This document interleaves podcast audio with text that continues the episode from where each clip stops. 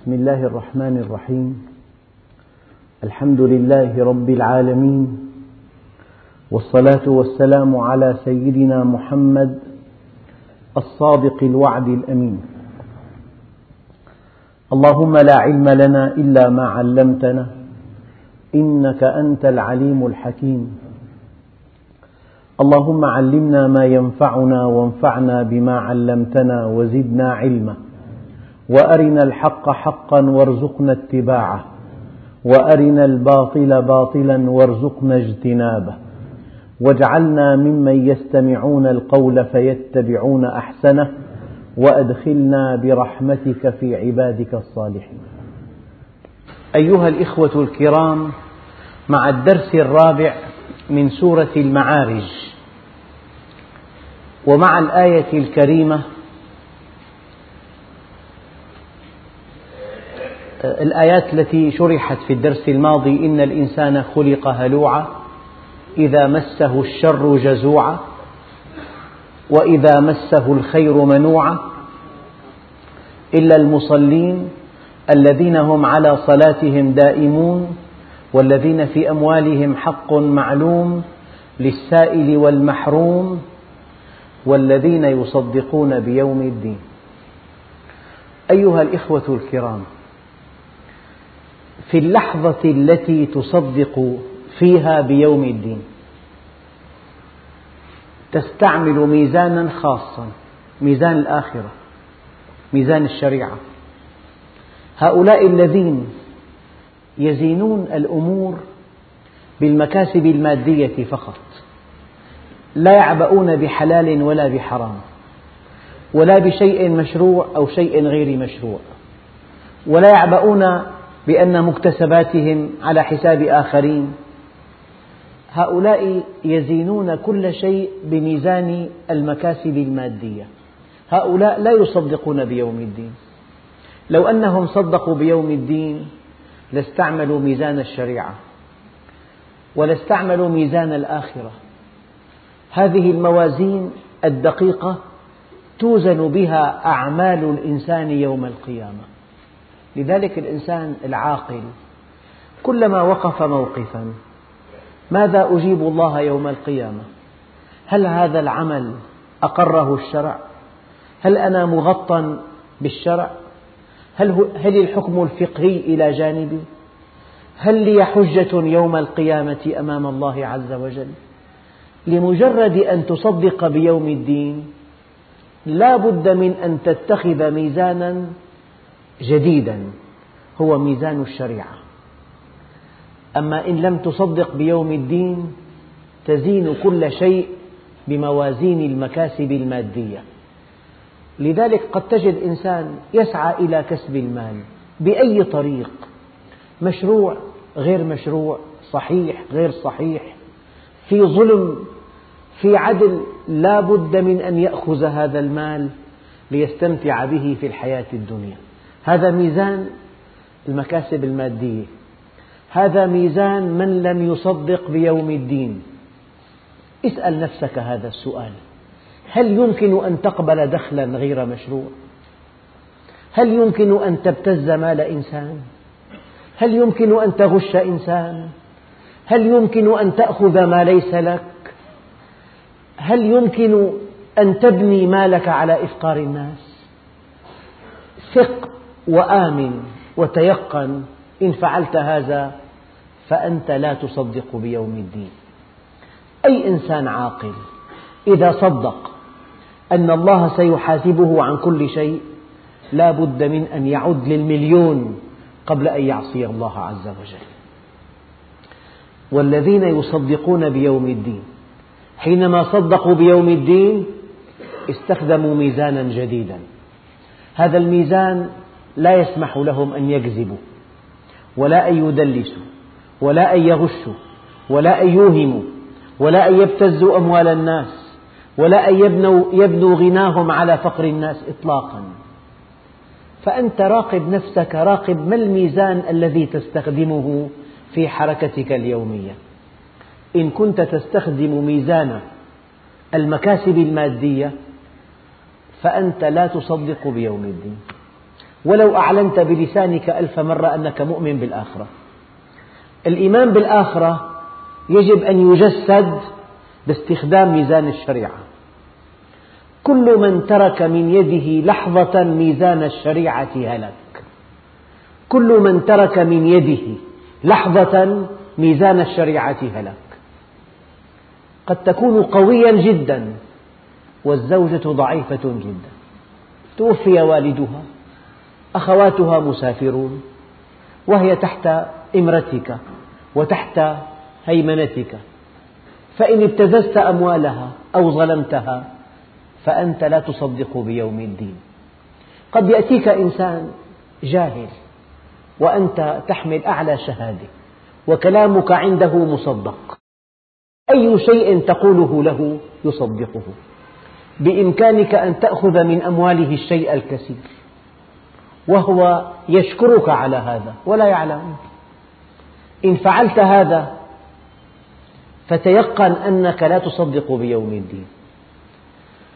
المهن الراقية التي هي موضع ثقة الناس هذه المهن أصحابها. إن أخلصوا وإن صدقوا الناس وإن أخلصوا لهم في التعامل معهم فهم يصدقون بيوم الدين. أيها الإخوة لعل هذه الآية تفرز الناس إلى فرقتين. فرقة ناجية استخدمت ميزان الشريعة وفرقة هالكة استخدمت ميزان المقاييس اليومية. قد تسكن في بيت وتدفع أجرة رمزية لا تساوي واحد بالألف من أجرته الحقيقية والقانون معك وعندك بيت آخر. إن فعلت هذا فأنت لا تصدق بيوم الدين لأنك ماذا سوف تقول لله عز وجل يوم القيامة؟ إذا كانت صاحبة البيت امرأة أرملة تعيش من أجرة هذا البيت والقانون معك وأنت مستأجر قبل السبعين ولا تستطيع أن تقول كلمة واحدة وأنت متمتع ببيت بأجرة رمزية وتذهب إلى المسجد وتصلي في أول صف. إنك لا تصدق بيوم الدين. الذي يصدق بيوم الدين يحاسب نفسه على الدرهم والدينار. الذي يصدق بيوم الدين يحاسب نفسه على كلمة. الذي يصدق بيوم الدين يحاسب نفسه على نظرة. الذي يصدق بيوم الدين يستغل وقته أعلى استغلال في طاعة الله وفي طلب العلم وفي تعليم العلم الذي يصدق بيوم الدين لا يضيع وقته في في مباحات لا تقدم ولا تؤخر. أخواننا الكرام قضية خطيرة جدا. أنت حينما تصدق أن إنسانا قويا سيستدعيك بعد يومين وسيسألك كذا وكذا لا تنام الليل. إذا أيقنت أنه سيسألك وقد يعاقبك وقد يحجز حريتك لا تنام الليل. فإذا قيل لك إن, إن الله جل جلاله خالق السماوات والأرض سيسألك عن كل صغيرة وكبيرة وعن كل كلمة وعن كل نظرة فوربك لنسألنهم أجمعين عما كانوا يعملون. كيف تقنع نفسك أنك مصدق بيوم الدين وأنك تفعل أشياء لا ترضي الله عز وجل؟ أخواننا الكرام آلاف الأعمال عشرات ألوف الأعمال التي فيها مخالفة صريحة لمنهج الله عز وجل. يختلفها المسلمون وإذا سألتهم عدد أركان الإيمان يقول لك الإيمان بالله وملائكته وكتبه ورسله واليوم الآخر. لا والله ما آمنت باليوم الآخر. لا والله هذا الذي يفعل المعاصي والموبقات ويبني مجده على أنقاض الناس. ويبني ماله على إفقار الناس ويبني عزه على إذلال الناس ويبني هذا والله ليس مؤمنا بيوم الدين. أنت إن تيقنت أن إنسانا من بني البشر لكنه أقوى منك سيحاسبك تعد للمليون قبل أن تفعل شيئا يغضبه. إنسان من بني البشر إنسان قوي إن أيقنت أنه سيحاسبك تعد للمليون قبل أن تفعل شيئا يغضبه. فكيف تفعل كل هذه المعاصي؟ وأنت تقول إني مؤمن بالله واليوم الآخر والملائكة والكتاب والنبيين والذين يصدقون بيوم الدين. أخواننا الكرام سأذكر أمامكم هذا المصطلح. أنت حينما تدخل في حساباتك اليومية أن هناك يوما لا بد لا بد واقف بين يدي الله فيه ولا بد أنك سوف تطلع على أعمالك كلها واحدة واحدة صغيرها وكبيرها جليلها وحقيرها. لن تستطيع أن تعصي الله. الإيمان قيد الفتك ولا يفتك مؤمن. الإيمان قيد الإيمان قيدك. هذا الطليق الطليق المتفلت الذي لا يعبأ لا بمال ولا بشيء. همه أن يجمع أن يجمع مالا كثيرا ليستمتع به في الحياة الدنيا. هذه العبادات الجوفاء التي يؤديها إنسان. يبني مجده على أنقاض الناس. هذه العبادات لا تقدم ولا تؤخر. قال عليه الصلاة والسلام أتدرون من المفلس؟ قالوا الذي لا درهم له ولا دينار. قال لا المفلس من جاء بصلاة وصيام وصدقة وضرب هذا وشتم هذا وأكل مال هذا فيعطى هذا من حسناته وهذا من حسناته فإذا فنيت حسناتهم طرحوا عليه سيئاتهم حتى يطرح في النار. هذا هو المفلس. أخواننا الكرام وفروا وقتكم الوقت ثمين لا تحاول أن تخادع الله. يخادعون الله وهو خادعهم. لا تحاول أن توهم أنك تصلي وأنك تصوم وأنك حججت بيت الله الحرام عشرات المرات. ترك دانق من حرام خير من ثمانين حجة بعد الإسلام. قل أنفقوا طوعا أو كرها لن يتقبل منكم إنكم كنتم قوما فاسقين. لا بد من أن تقف عند الحلال والحرام. لا بد من أن تحاسب نفسك حسابا عسيرا. لا بد من أن تحاسب نفسك على كل صغيرة وكبيرة. الإمام أبو حنيفة رحمه الله تعالى كان واقفا في ظل بيت يحدث رجلا فأمسكه من يده ونقله إلى الشمس. قال هذا البيت مرهون عندي وإني أكره أن أنتفع بظله. هكذا كان السلف الصالح. يحاسبون أنفسهم حسابا. يبدو لنا غير معقول لكنهم عقلاء. سيدنا عمر يقول والله لو ضاعت لو تعثرت بغلة في العراق لحاسبني الله عنها. لم لم تصلح لها الطريق يا عمر؟ سيدنا عمر كان في جولة مع عبد الرحمن بن عوف رضي الله عنهما في المدينة فرأيا قافلة قد نصبت, نصبت خيامها في ظاهر المدينة. قال تعال نحرسها. نحرس هذه القافلة. سمع طفلا يبكي. فقال لأمه أرضعيه فأرضعته ثم بكى. قال لأمه أرضعيه فأرضعته ثم بكى. غضب. قال يا أمة السوء أرضعيه قالت له وما شأنك بنا؟ شو دخلك يعني؟ قال لم لا ترضعيه قالت إنني أفطمه قال لم قالت لأن عمر لا يعطينا العطاء إلا بعد الفطام. تعويض العائلة يعني. يروي كتاب السيرة أنه ضرب جبهته. وقال ويحك يا ابن الخطاب كم قتلت من أطفال المسلمين. عد نفسه قاتلا. لأنه حمل الأمهات على إفطام أولادهن قبل الوقت المناسب من أجل أن يأخذوا من عمر العطاء. ما لم تحاسب نفسك حسابا عسيرا لن تكون مصدقا بيوم الدين. ما لم تحاسب نفسك حسابا دقيقا لن تكون مصدقا بيوم الدين. التصديق بيوم الدين أن تتصور أنك في كل ثانية واقف بين يدي الله عز وجل. طالب من الطلاب الذين أدوا امتحان الشهادة الثانوية نال الدرجة الأولى على طلاب القطر. سأله صحفي في مقابلة ما الذي ما الذي أعانك على أن تنال هذه الدرجة الأولى؟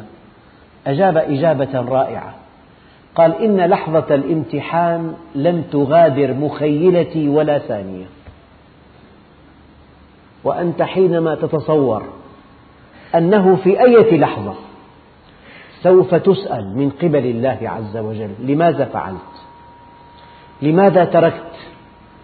لماذا وصلت؟ لماذا قطعت؟ لماذا تكلمت؟ لماذا سكت؟ لماذا أعطيت؟ لماذا منعت؟ لماذا ابتسمت؟ لماذا عبست؟ لماذا فعلت هذا؟ لماذا طلقت؟ لماذا تزوجت؟ لماذا دلست؟ هيئ نفسك لجواب هيئ جوابا لله عز وجل عن كل ما تفعله في يومك. وإلا لا تعد مصدقا بيوم الدين. لأن الله سيسأل ما حجتك؟ سيدنا عمر بن عبد العزيز دخلت عليه زوجته رأته يصلي ويبكي فلما انتهى من صلاته قالت له ما لك تبكي؟ قال دعيني وشأني. قالت أستحلفك بالله ما لك تبكي؟ قال دعيني وشأني فلما ألحت عليه قال إني وليت أمر هذه الأمة فعلمت أن الله سيسألني عن الفقير وعن الأسير. وعن صاحب العيال الكثير وعن ذي الدخل القليل وعن, وعن ابن السبيل. ولا أذكر النص بكامله ذكر عشرات من النماذج المعذبة في الحياة. فقال علم أيقنت أن الله سيحاسبني عنهم جميعا وأن خصمي دونهم رسول الله صلى الله عليه وسلم. فخفت ألا تثبت حجتي فلهذا أبكي. يعني أنت حينما تتولى أمر عشرة تكون في دائرة يعني تحت يدك عشر موظفين عشرة موظفين لا بد أن تحاسب نفسك حسابا عسيرا هل أعطيتهم حقهم؟ هل عدلت بينهم؟ هل منحتهم ما ينبغي أن تعطيهم إياه؟ أخواننا الكرام حاسبوا أنفسكم قبل أن تحاسبوا وزنوا أعمالكم قبل أن توزن عليكم. واعلموا أن ملك الموت قد تخطانا إلى غيرنا وسيتخطى غيرنا إلينا. فلنتخذ حذرنا. الكيس من دان نفسه وعمل لما بعد الموت والعاجز من أتبع نفسه هواها وتمنى على الله الأماني. لا توهم نفسك أنك مصدق بيوم الدين إذا كنت مقيما على معاص تغضب الله عز وجل. لا تتصور أنك مؤمن بيوم الدين إذا كان في دخلك جزء من مال حرام. إياك أن تفعل هذا. فهؤلاء الذين هؤلاء الذين يصلون إن الإنسان خلق هلوعا إذا مسه الشر جزوعا وإذا مسه الخير منوعا إلا المصلين الذين هم على صلاتهم دائمون. يعني لو جاءك إنسان يشتري حاجة وعلمت أنه جاهل فغبنته. ورد في بعض الأحاديث أن غبن المسترسل ربا أن غبن المسترسل حرام المسترسل الجاهل. ففي بيعك وشرائك في إقامتك وسفرك في علاقاتك بأهلك في علاقاتك بجيرانك. الناس يفعلون ما يشاءون طلقاء يفعلون كل ما يرونه صوابا. ولكن المؤمن وحده هو الذي يوفق أعماله مع منهج الله عز وجل. فالذي يغضب الله لا يفعله ولو قطعته إربا إربا. والذي يرضي الله يفعله دون تردد. هذا معنى والذين يصدقون بيوم الدين. والذين من عذاب ربهم مشفقون. الله عز وجل حينما قال حدثنا عن النار قال نحن جعلناها تذكرة. نحن جعلناها تذكرة ومتاعا للمقوين. تذكرة يعني اشعل شمعة وضع إصبعك على لهيبها. فإن تحملتها فافعل هذه المعصية. الشمس تصل حرارتها في ألسنة لهبها إلى ستة آلاف درجة. أما في مركزها تصل الحرارة إلى عشرين مليون درجة. ولو أن الأرض ألقيت في الشمس لتبخرت في ثانية واحدة. في ثانية واحدة. وحرارة الشمس من حرارة نار الدنيا. أما نار الآخرة أشد حرا. كلما نضجت جلودهم بدلناهم جلودا غيرها ليذوقوا العذاب. الله قال نحن جعلناها تذكرة. إله إلهنا ربنا خالقنا الله جل جلاله. هذا كلامه. وذكر نار جهنم. قال فما أصبرهم على النار؟ ما أصبرهم على النار؟ فهذا الذي لا يأخذ بهذا الوعيد إنسان أحمق. من الذي لا يخاف الله؟ هو الإنسان الذي عطل تفكيره الذي عطل إدراكه لا يخاف. أضع لك مثالا. قد تأتي بطفل عمره سنة واحدة يجلس في أثناء الحصيدة. وقد يمر أمامه ثعبان. لو رآه رجل شديد لولى هاربا هذا الطفل لا يتأثر لا يبكي يضع يده عليه. لماذا لا يخاف منه؟ لأنه لا يدرك. لو أدرك لخرج من جلده. لو أدرك لصاح صيحة ملأت الأفق. لكنه لا يدرك. فالذي لا يخاف عطل إدراكه. قال والذين هم من عذاب ربهم مشفقون. إله يعني إنسان عنده بعض الأشياء المزعجة. عنده بعض الأشياء التي لا تحتملها. تحسب له مليون حساب. تحسب له مليون حساب تخاف أن يعذبك. أما إلهنا يقول لك نار جهنم كلما نضجت جلودهم بدلناهم جلودا غيرها. الناس يتحركون في الطرقات وفي دور اللهو ويأكلون أموال الناس بالباطل ويستعلون على غيرهم وكأن شيئا لم يقع. هؤلاء عطلوا إدراكهم. هؤلاء عديمو الإدراك. لو أدركوا لخرجوا من جلودهم ورد في بعض الآثار أنه ما من بيت إلا وملك الموت يقف فيه في اليوم خمس مرات. فإذا رأى أن الإنسان قد انتهى أجله وانقطع رزقه ألقى عليه غم الموت فغشيته سكراته فمن أهل البيت الضاربة وجهها والممزقة ثوبها والصارخة بويلها. يقول فيما الجزع ومما الفزع؟ ما أذهبت لواحد منكم رزقا ولا قربت له أجلا وإن لي فيكم لعودة. ثم عودة حتى لا أبقي منكم أحدا. فوالذي نفس محمد بيده لو يرون مكانه ويسمعون كلامه لذهلوا عن ميتهم ولبكوا على أنفسهم. يقول سيدنا عمر عجبت لثلاث عجبت لمؤمل والموت يطلبه وغافل وليس بمغفول عنه وضاحك ملء فيه ولا يدري أساخط عنه الله أم راض؟ يبنون ويعتنون ويؤثثون ويزخرفون ويتشدقون ويتيهون على خلق الله والقبر ينتظرهم. يعني لعل أحدكم حضر تعزية. قد يجد بيت لا يوصف بجماله أين صاحبه؟ تحت أطباق الثرى هذا هو البيت الحقيقي. هذا هو المثوى الأخير. يا أيها الإخوة الكرام التفكر بالمصير المحتوم لا يعرقل الحياة لكن يسمو بالحياة لا يعرقلها لكن يسمو بها. أنت حينما تؤمن أن, أن الله سوف يحاسبك. افعل كل شيء وفق منهج الله عز وجل. الآية الكريمة دقيقة جدا اتبع هواه بغير هدى من الله. بغير هدى من الله. المعنى المخالف أن الذي يتبع هواه وفق هدى الله عز وجل لا شيء عليه. يعني واحد أودع الله في قلبه حب المرأة تزوج ما في مشكلة أبدا. أودع في قلبه حب المال عمل بعمل مشروع شريف فكسب المال وأنفقه على نفسه وعلى أهله.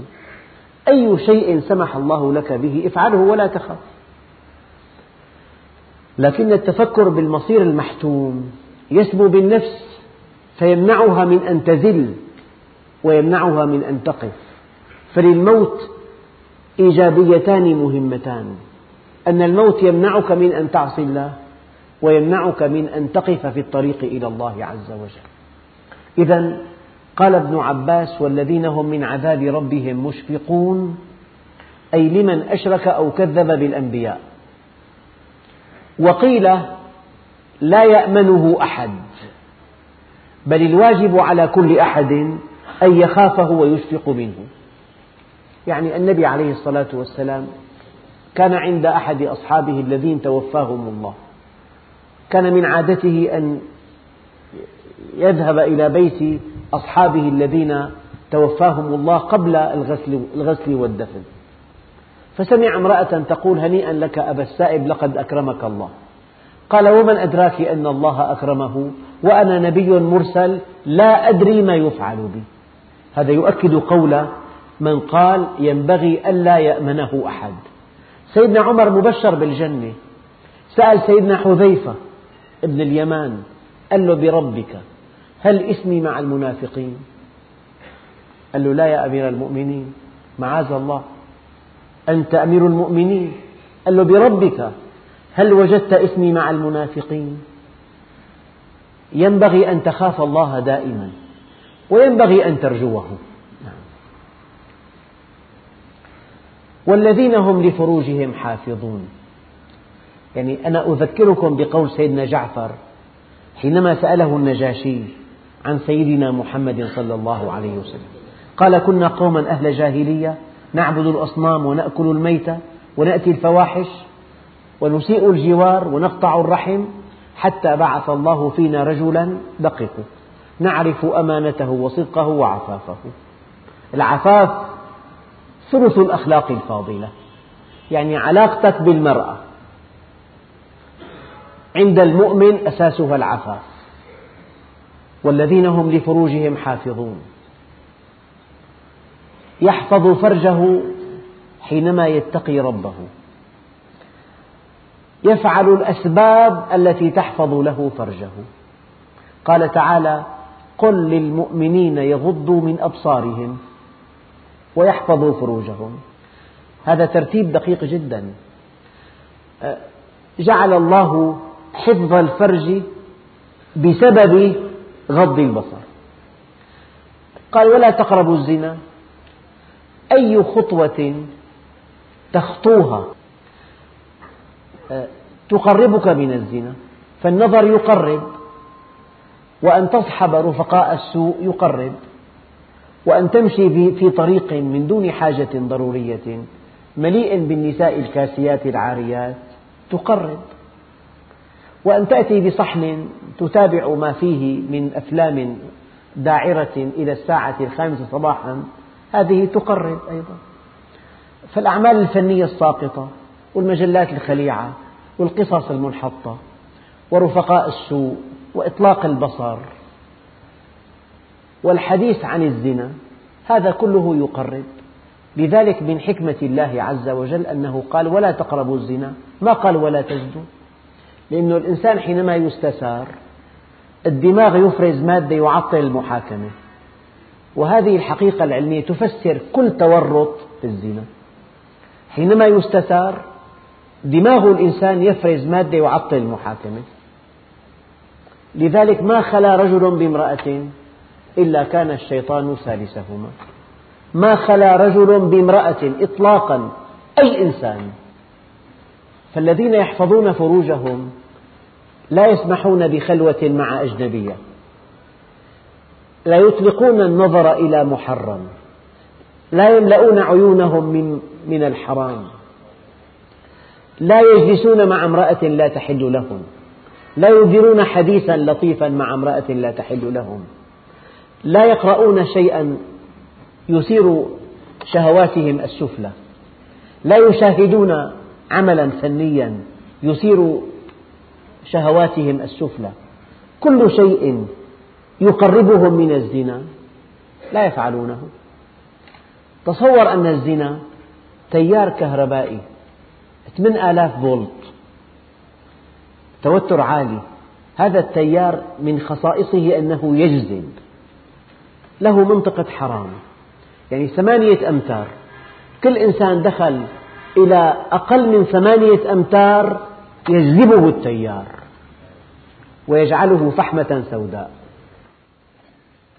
تصور أن هذه الشهوة خطيرة جدا. بمعنى أن الله سبحانه وتعالى يعني يمكن أن نشبهها بصخرة مستقرة في رأس جبل.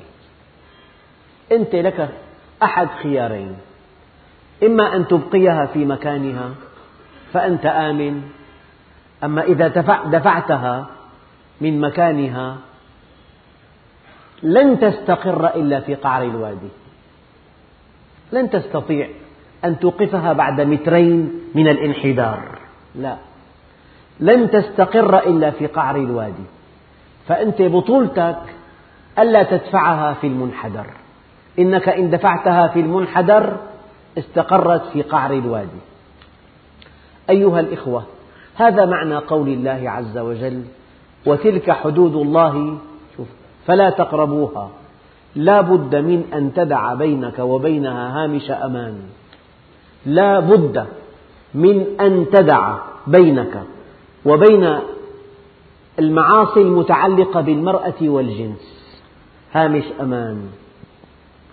في خط أحمر إن اخترقته هذه الشهوة لها وهج. جذبتك إليها. وانتهى كل شيء. لذلك قد تعجب أن كل الآيات التي نهت عن الزنا لم تنهى عن فعل الزنا نفسه بل نهت عن الاقتراب من الزنا. إطلاق البصر اقتراب المصافحة الخلوة ملء العينين من الحرام. إدارة حديث قراءة قصة مشاهدة عمل فني رخيص صحبة الأرازل. هذا كله مشاهدة الصور الفاضحة. هذا كله يقرب من الزنا والنهي عن أن تقترب من الزنا ولا تقربوا الزنا. شيء ثاني ليس في الإسلام حرمان. أية شهوة أودعها الله في الإنسان جعل لها قناة نظيفة تسري خلالها. أبدا. وفي قول لطيف جدا ما كان الله ليعذب قلبا بشهوة تركها صاحبها في سبيل الله. الله بيريحك واحد يعني تجرأ جرأة غير معقولة وقال للنبي الكريم بين أصحابه الكرام وهم قمم في العفة. قال يا رسول الله أذن لي بالزنا. أعوذ بالله. فأقام أصحابه قال دعوه. تعال يا عبد الله اقترب مني. قال أتحبه لأمك؟ فاحمر وجهه. قال لا. قال ولا الناس يحبونه لأمهاتهم. أتحبه لأختك؟ قال لا. أتحبه لابنتك؟ قال لا. أتحبه لعمتك؟ لخالتك؟ فقال هذا الشاب والله دخلت على النبي صلى الله عليه وسلم وما شيء أحب إلي من الزنا وخرجت من عنده وما شيء أبغض إلي من الزنا. إذا الإنسان صدق في التوبة وصدق في طلب مرضاة الله عز وجل الله عز وجل لا يعذبه بهذه الشهوة. بالعكس يفسح له طريقا مشروعا. يعني أنا اسمحوا لي أقول كلمة. إذا الإنسان يعني متزوج قد يصلي قيام الليل ويبكي في الصلاة بعد لقاء زوجي. معنى شيء مشروع. ما في مشكلة. والذين هم لفروجهم حافظون. إلا على أزواجهم أو ما ملكت أيمانهم فإنهم غير ملوم. ليس ملوما لا عند الله ولا عند نفسه ولا عند الناس أبدا. يعني لاحظوا أنتم. إذا واحد ماشي مع فتاة بشكل غير مشروع لو واحد يعني تكلم كلمة يرتعد أما حينما يخطب ابنتك شاب أنت وافقت عليه والعقد مكتوب يسهر مع ابنتك حتى الثانية صباحا وأنت مطمئن. زوجته الشيء المشروع مشروع والحرام حرام. فلذلك ربنا عز وجل قال والذين هم لفروجهم حافظون وربنا عز وجل يعلمنا الحياء. يعني ما ما في كلمة تخدش الحياء والذين هم لفروجهم حافظون إلا على أزواجهم أو ما ملكت أيمانهم ملك اليمين فإنهم غير ملومين. فمن ابتغى إرواء هذه الشهوة عن غير طريق زوجته فأولئك هم العادون. معتدي معتدي على أعراض الناس معتدي على منهج الله. معتدي على سعادته ظالم لنفسه. فمن ابتغى وراء ذلك أيها الإخوة في الجامع الصغير بضعة أحاديث شريفة تبدأ بقوله صلى الله عليه وسلم حق حق الأب على ابنه حق الابن على أبيه حق الزوج على زوجته حق المسلم على المسلم حق الجار على الجار. لكن حديثا واحدا تقرأه يقشعر منه جلدك حق المسلم على الله أن يعينه إذا طلب العفاف. حق المسلم على الله أن يعينه إذا طلب العفاف. ما شكا إلى النبي أحد ضيق ذات يده إلا قال له اذهب فتزوج. لأن طالب الزواج مرزوق وألف قصة فيه. بعد أن يعقد العقد يأتيه رزق جديد. لم يكن في الحسبان.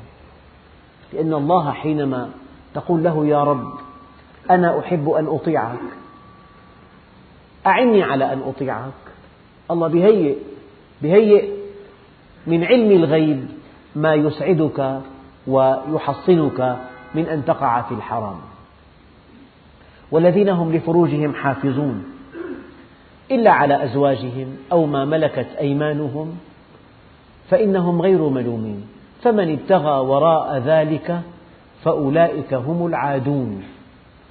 مجملة والتفصيل عندك. أي انحراف جنسي؟